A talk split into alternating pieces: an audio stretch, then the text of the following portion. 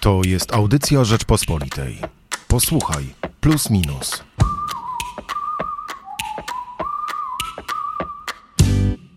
W najnowszym wydaniu magazynu Plus Minus e, przyglądamy się zdradzonym przez autorytety w kościele, w polityce, o, przyglądamy się po prostu ludziom, uczniom, którzy zostali opuszczeni przez swoich mistrzów. I o tym porozmawiamy dzisiaj w redaktorskim duecie. Michał Płociński i Michał Szołdrzyński. Przekartkujmy sobie tak e, szybciutko e, najnowszego plusa, nim dojdziemy do tych autorytetów i tych uczniów, bo mamy od razu zadaniem głównym wywiad, o którym myślę będzie głośno, bo wywiad mocny, wywiad szczery, można powiedzieć nawet taka szczera spowiedź profesora Jacka Czaputowicza, byłego ministra spraw zagranicznych w rządzie Mateusza Morawieckiego. Przepytuje go Jędrzej Bielecki. Mogę lit przeczytać? Bo myślę, że na pewno będzie o nim głośno. Oczywiście, proszę. E, bo ten lit jest bardzo ciekawy. Minister spraw zagranicznych w rządzie PiSu mówi tak – w naszej klasie politycznej panuje przekonanie, że każdy zna się na polityce zagranicznej. Wielu uważa, że możemy samodzielnie na ostro pójść z Łukaszenką, czy z Czechami w sprawie Turowa, postraszyć Amerykanów Lex TVN, czy Unię Europejską wyjściem ze wspólnoty. I to nie jest moim zdaniem i tak najmocniejszy fragment tej rozmowy, wiesz? Więc mo może tak po prostu zachęcimy naszych czytelników. E, Wiktor Ferfecki pisze za to o Grzegorze, Grzegorzu Braunie. E, to taka nieoczywista sylwetka kontrowersyjnego, nawet można powiedzieć kolędnika, bo Wiktor nazywa go właśnie kolędnikiem rewolucji. To ja może przytoczę teraz fragment lidu. Partyjni koledzy uważają Brauna za cenny nabytek, ale dawni przyjaciele twierdzą, że w ogóle nie przypomina siebie sprzed lat, pisze Ferfecki. Mało kto, od razu zdradzę, chce rozmawiać o Grzegorzu Braunie pod nazwiskiem, mało kto z jego znajomych. Jaki jest więc Grzegorz Braun? Czy to e, były reżyser, czy e, przyszły, nie wiem, kandydat Konfederacji na e, prezydenta? Kim tak właściwie jest? Czy się zmienił? czy po prostu zmienia się świat e, wokół niego. A Piotr Zaręba rozprawia się dalej w magazynie Plus Minus z polskim kinem zaangażowanym politycznie. I oczywiście za punkt zaczepienia służy mu najnowszy film Wojciecha Smarzowskiego, czyli Wesele, to drugie Wesele, chociaż pod taką samą nazwą jak, jak zresztą reżyserski debiut Smarzowskiego. Michale, to ja nie będę się mądrzył, bo nie widziałem, ty za to Wesele widziałeś. Więc się. Jakie zrobiło na tobie wrażenie? Miałem wrażenie, że to jest bardzo przełamany film, czy nierówny film, ze względu na to, że e, nie bardzo rozumiałem koncepcji artystycznej e, tego utworu, który miał przede wszystkim epatować pewnymi emocjami, obrazami. E, z drugiej strony spodziewałem się znacznie czegoś e, bardziej jednostronnego w wersji historycznej, bo, bo widziałem, że po, po, po, po prawej stronie szczególnie była taka obawa, że Smarzowski utożsami dzisiejszych Polaków z antysemitami, mm, którzy palili e, swoich żydowskich sąsiadów w stodołach.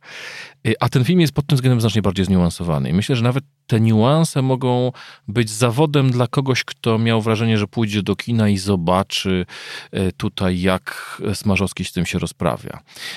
Bo rzeczywiście mam wrażenie, że ci, którzy zwracają uwagę na to, że takie zbyt proste utożsamienie, kiedyś palono żydowskich sąsiadów, a dzisiaj podpalane są domy mm, ukraińskich pracowników w Polsce, to jest lekka przesada. Mam wrażenie, że współpraca, z, biorąc pod uwagę, że w Polsce jest półtora miliona Ukraińców e, dzisiaj, to to, jak ta współpraca wygląda i jak mało dochodzi do takich incydentów, każdy jest pożałował niegodny, ale raczej pokazuje, że ona się układa świetnie. E, natomiast to, co uważam w tym filmie jest ciekawe, a co myślę, że wiele osób z lewej strony chętnie by przemieczało, to jest bardzo jednoznaczny obraz Niemców te powroty, w którym jeden z bohaterów filmu przypomina sobie to, co się działo podczas wojny, no są niezwykle ciekawe, niezwykle sugestywne, ale pokazują absolutne bestialstwo Niemców. Po drugie, e, Smarzowski odwołał się do tego e, tłumaczenia, które pokazuje się w sprawie, no, no bo tak, prawdopodobnie nazwa nie pada, ale prawdopodobnie tym centralnym wydarzeniem w filmie jest zbrodnia w Radziłowie, która miała miejsce kilka dni przed Jedwabnym. A Zaręba, od razu zdradzę, stawia tezę, że bardziej może chodzić o Lwów.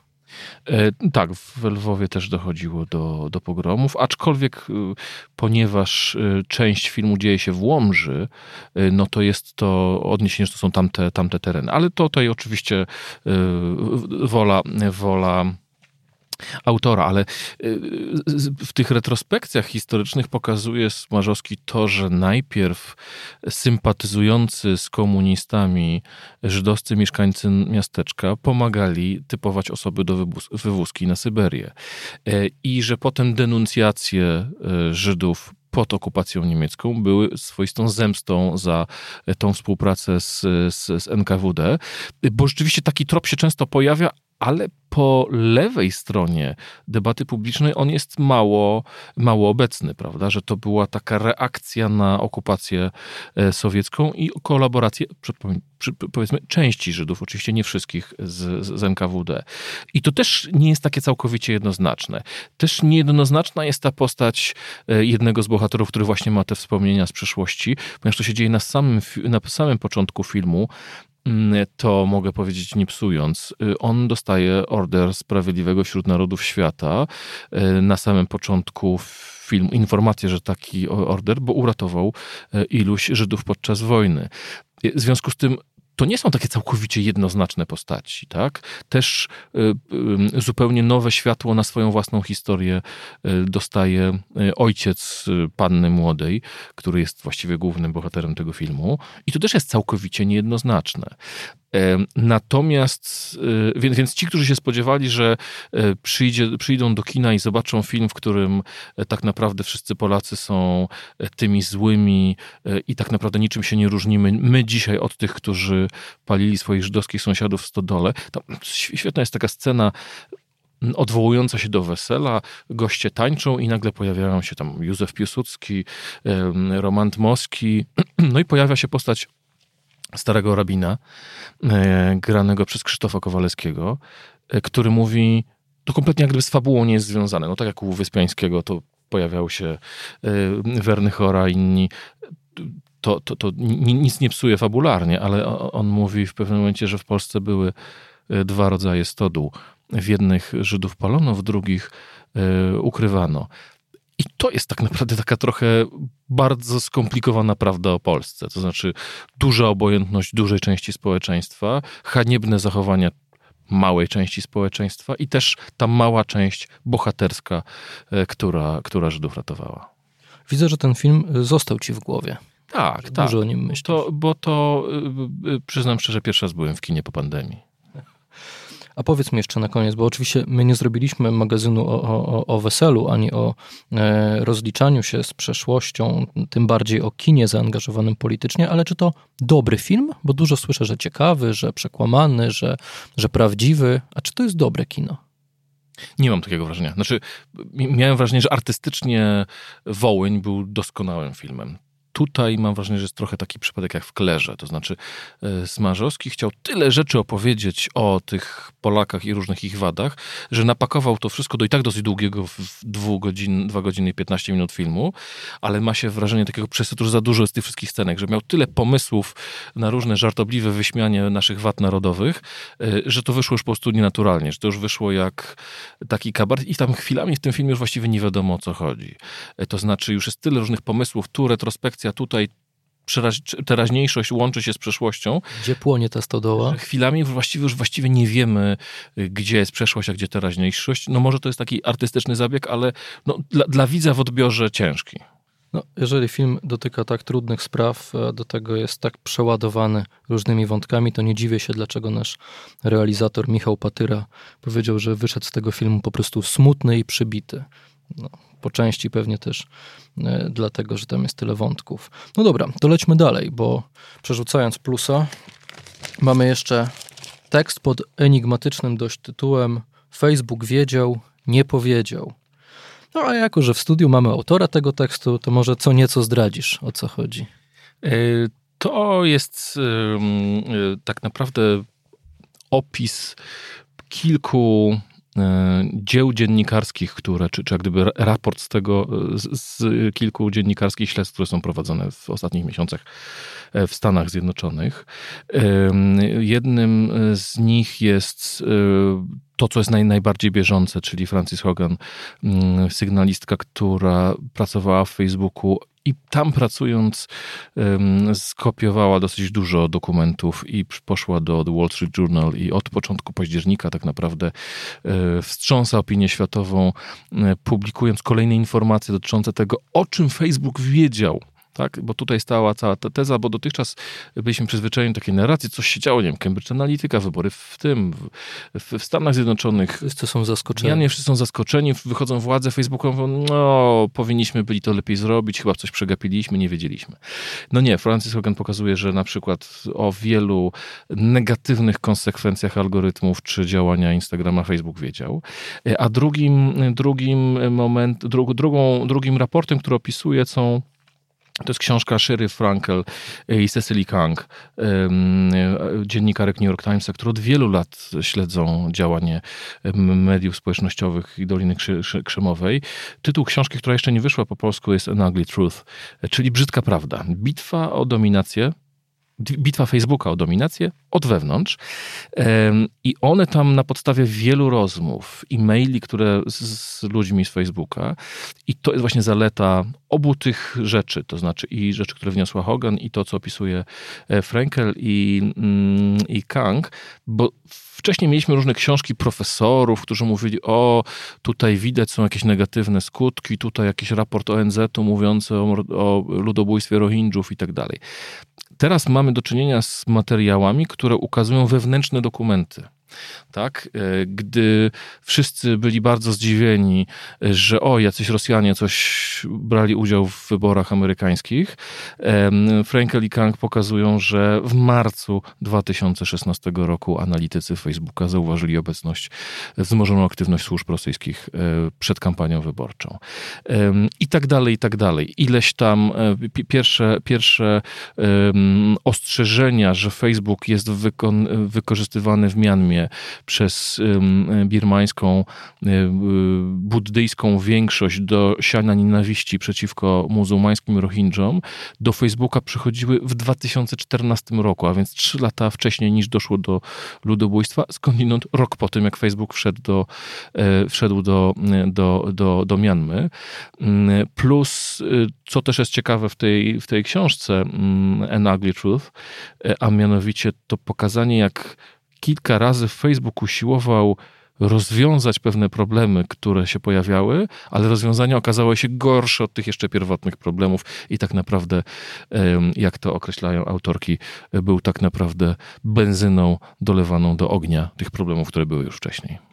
No i pewnie też dlatego Mark Zuckerberg z takiej nadziei liberalnego świata teraz jest trochę przedstawiony jako czarny charakter. Widziałeś pewnie tą okładkę Time'a, gdzie, gdzie jest z zaklejonymi ustami, prawda? Tak jest. Trochę inaczej jest pokazywany niż jeszcze kilka lat temu, kiedy dostawał tytuły Człowieka Roku. No, z, zresztą to jest ciekawe, bo mm, panie e, z, z, z, New York Timesa opisują e, kilka jego sekretnych spotkań z Donaldem Trumpem, Marka Zuckerberga. E, I no wiadomo, New York Times jest gazetą taką bardziej liberalną lewicą i stawiają taką tezę, że Zuckerberg roztoczył pewien parasol ochronny nad Donaldem Trumpem. Traktował go zupełnie inaczej niż zwykłych użytkowników. Pozwalał mu na znacznie więcej. Tam jest, ja nie opisywałem tego w, w tekście, ale taka jest bardzo ciekawa historia dotycząca mm, kampanii wyborczej w Stanach, gdy miał takie słynne wystąpienie Donald Trump, w którym łączył migrantów z terroryzmem i bezpieczeństwem w Stanach Zjednoczonych, która przez bardzo wielu komentatorów została uznana za rasistowską wypowiedź. To takie przekroczenie czerwonej linii, prawda? Tak. I to jeszcze był 2016 rok przed wyborami. Mm, I nacisk wewnętrzny był bardzo mocny na Marka Zuckerberga ze strony managementu Facebooka, żeby to skasować. I y, była bardzo długa dyskusja, i podjęto decyzję o tym, że z powodów biznesowych nie zostanie zdjęty ten film, ponieważ mógłby dać argument kon konserwatywnej części opinii publicznej, że Facebook jest, ma odchył lewicowy. I wielokrotnie pobłażano Trumpowi w rozmaitych rzeczach, mimo że łamał e, regulaminy Facebooka, po to, żeby właśnie ktoś nie wykorzystał tego i firma nie straciła na tym e, biznesowo. Co ciekawe, potem prawnicy pisali uzasadnienia. Jak już decyzja została podjęta, nie, nie ściągamy filmu, to wówczas były pisane rozmaite, długie uzasadnienia mające na celu wyjaśnić, czemu firma taką decyzję podjęła.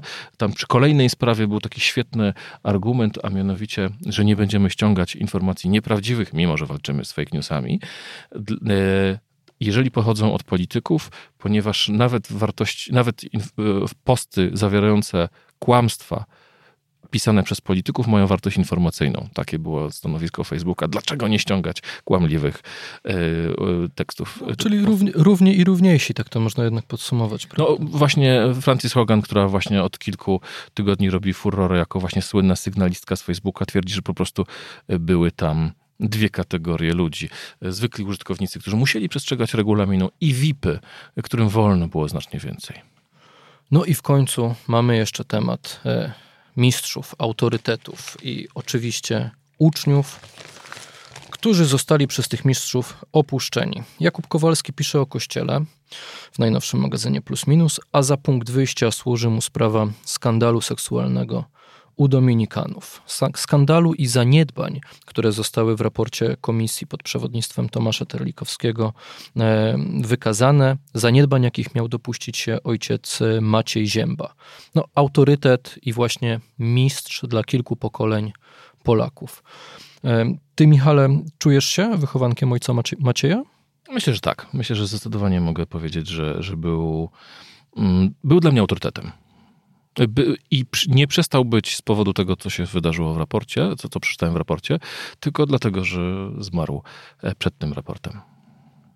Dlaczego w ogóle zajmujemy się tym tematem? Jak myślisz, e, jak, jak to wyjaśnić e, naszym czytelnikom? Tematem uczniów opuszczonych przez, przez, przez mistrzów.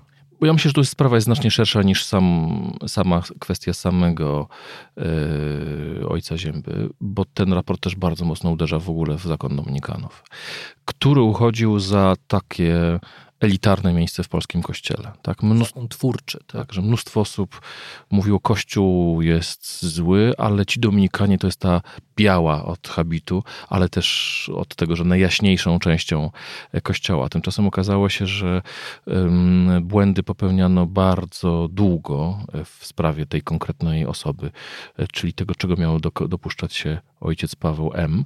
Mm, błędy popełnił ówczesny prowincjał, gdy sprawa wybuchła w 2000 roku, czyli Maciej Zięba. E, błędy popełniali jego następcy, rozmaici przełożeni w poszczególnych klasztorach itd., tak itd. Tak I ten raport jest e, no, trudny dla wszystkich, którzy znali e, i szanowali Ziębę, ale też jest bardzo trudny dla wszystkich, a to jest grono dziesiątek tysięcy ludzi, dla których Dominikanie byli autorytetami jako tacy.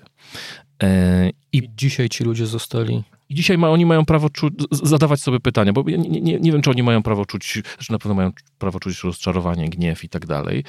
Y, nie przesadzałbym w drugą stronę, tak znaczy, że muszą dokonać jakiegoś publicznego aktu, bo, bo, bo były takie, takie, mm, ja to zresztą piszę też w, w, swoim felietonie, to znaczy, że jest taka pokusa z jednej strony, żeby tego ziębę całkowicie potępić, a z drugiej strony, żeby go całkowicie wybielić. Taka nawet i, I, rozumiem osoby, które mówiły, że oj, on nie podlega właśnie procesowi kancelowania e, zgodnie z tą, z tą cancel culture, a przecież ciężko go sprowadzić wyłącznie do tej sprawy, ale też rozumiem tych, którzy się oburzali, że mm, bronienie dorobku ojca Zięby e, nie może odbywać się kosztem myślenia o ofiarach księdza M, które to cierpienie i ich no, trauma mogła być znacznie mniejsza, gdyby e, ojciec Zięba się inaczej zachował w 2000 roku, inaczej ukarał, czy mocniej e, ukarał mm, i no, przeprowadził wszystkie kanoniczne postępowania. Po pierwsze, to jest chyba bardzo trudna sytuacja, w jakiej uczniowie się znaleźli, prawda? No, Tak, i, i tu też jest y, zupełnie inna historia, bo też y, wszystkie porównania mają moc, y, ale też słabość, którą opisuje, mm, którą opisuje Jakub Kowalski w swoim tekście. Znaczy, opisuje ludzi, którzy byli w wspólnocie Arka założonej przez Jeana Vanier i tymczasem po śmierci Jeana Vanier okazało się, że mm, on dopuszczał się e, nadużyć seksualnych wobec e, osób, które wspólnota Arka, którymi wspólnota Arka się opiekowała, czyli właśnie y, nie w pełni sprawnymi intelektualnie osobami tutaj chodziło o kobiety. Ja tylko powiem, że dlaczego słabością są porównania, no bo y, no, przewiny są tutaj... Ziębie, ziębie nikt przestępstw seksualnych nie zarzuca, tylko raczej y, złej reakcji na przestępstwa jego podwodnego. Ale to zostawmy. I, a przecież i, i tutaj bardzo ciekawe są słowa, dużo mi dały do myślenia, Zbigniewa Nosowskiego, redaktora naczelnego Więzi, który w tym tekście się wypowiada, który opowiada o swoim y, przeżyciu tej historii, ponieważ e, to właśnie postać żona Wanie sprawiła, że on się tak mocno zaangażował po stronie kościoła i, no i była, była wstrząsem, prawda? I, I takich przykładów y, tutaj, może nie będziemy wszystkich wyjaśniać, ale w tekście Jakuba Kowalskiego jest, jest, jest sporo, y, pokazujących, że no, ponieważ Kościół jest strukturą hierarchiczną, opartą na autorytecie, to a gdyby automatycznie wierni, czy właśnie uczniowie poszczególnych osób, czy, czy, czy osoby czujące się jakby związani, no, mają właśnie podejście jak do autorytetu, tak? To nie jest kwestia to nie jest kwestia takiej relacji płaskiej, tak? To jest właśnie relacja autorytetu. No i wówczas, gdy się poznaje jakieś e, drugą stronę, czy ciemną stronę zachowań tych osób, które się traktowały jako autorytety, no jest to poczucie takiego zagubienia. Albo też e, i, I to myślę jest, e, ja na to zwracam uwagę w swoim felietonie, mm, e, to jest też na, sposób na pewną dojrzałość, tak? bo dojrze, dojrzałość to nie jest obrażanie się na rzeczywistość, to nie jest wypieranie rzeczywistości, tylko po prostu stopniowe nabieranie dystansu wobec kogoś, kto nazwał autorytetem. Ja tylko dodałbym, że mm, bardzo mi się podoba w ogóle w tekście e, Jakuba Kowalskiego, że to jest tekst taki gorący, zaangażowany, bo też temat jest taki, który trochę wymaga nie takiego chłodnego podejścia, rzeczywiście skupienia się na emocjach. Myślę, że bardzo dobrze, że akurat Jakub Kowalski pisał ten tekst, bo on też nie ukrywa w nim, że sam miał taką, e, no niestety, sytuację w życiu, gdzie ważny dla niego kapłan prawda, okazał się mieć ciemną stronę i to też zaważyło na jego podejściu, prawda. Sam się, sam się autor zastanawia, czy jego wiara okazała się zbyt, zbyt krucha, że on miał taki moment y, y, upadku właśnie przez taką sytuację, ale dzięki temu jego tekst w ogóle o zdradzonych przez autorytety jest naprawdę naprawdę gorący. E, też e, w tym temacie mistrzów przyglądamy się oczywiście polityce, bo nie zrobiliśmy wcale magazynu Plus Minus o Kościele. Artur Bartkiewicz opisuje na przykład e, też takie mocne, gorące, ale bardzo krótkie związki między wyborcami, którzy uwierzyli, że polityka może wyglądać inaczej niż wygląda w rzeczywistości, a między ich takimi politycznymi bohaterami. Charyzmatycznymi politykami, którzy się których charyzmat prysł bardzo szybko. On nawet nazywa ich superbohaterami, bo czy nie jest trochę tak, że my właśnie polityki nie traktujemy coraz bardziej właśnie jak popkultury i, i, i szukamy właśnie tych, którzy nas tutaj wybawią, taki czarno-biały świat, walka dobra ze złem, ale to może nie będziemy więcej zdradzać i po prostu odeślemy naszych słuchaczy i mam nadzieję także potencjalnych czytelników albo czytelników w praktyce po prostu do najnowszego wydania magazynu Plus Minus. Dostępnego w kioskach i na rp.pl. Michał Płociński i Michał Szułdrzyński. Zapraszamy.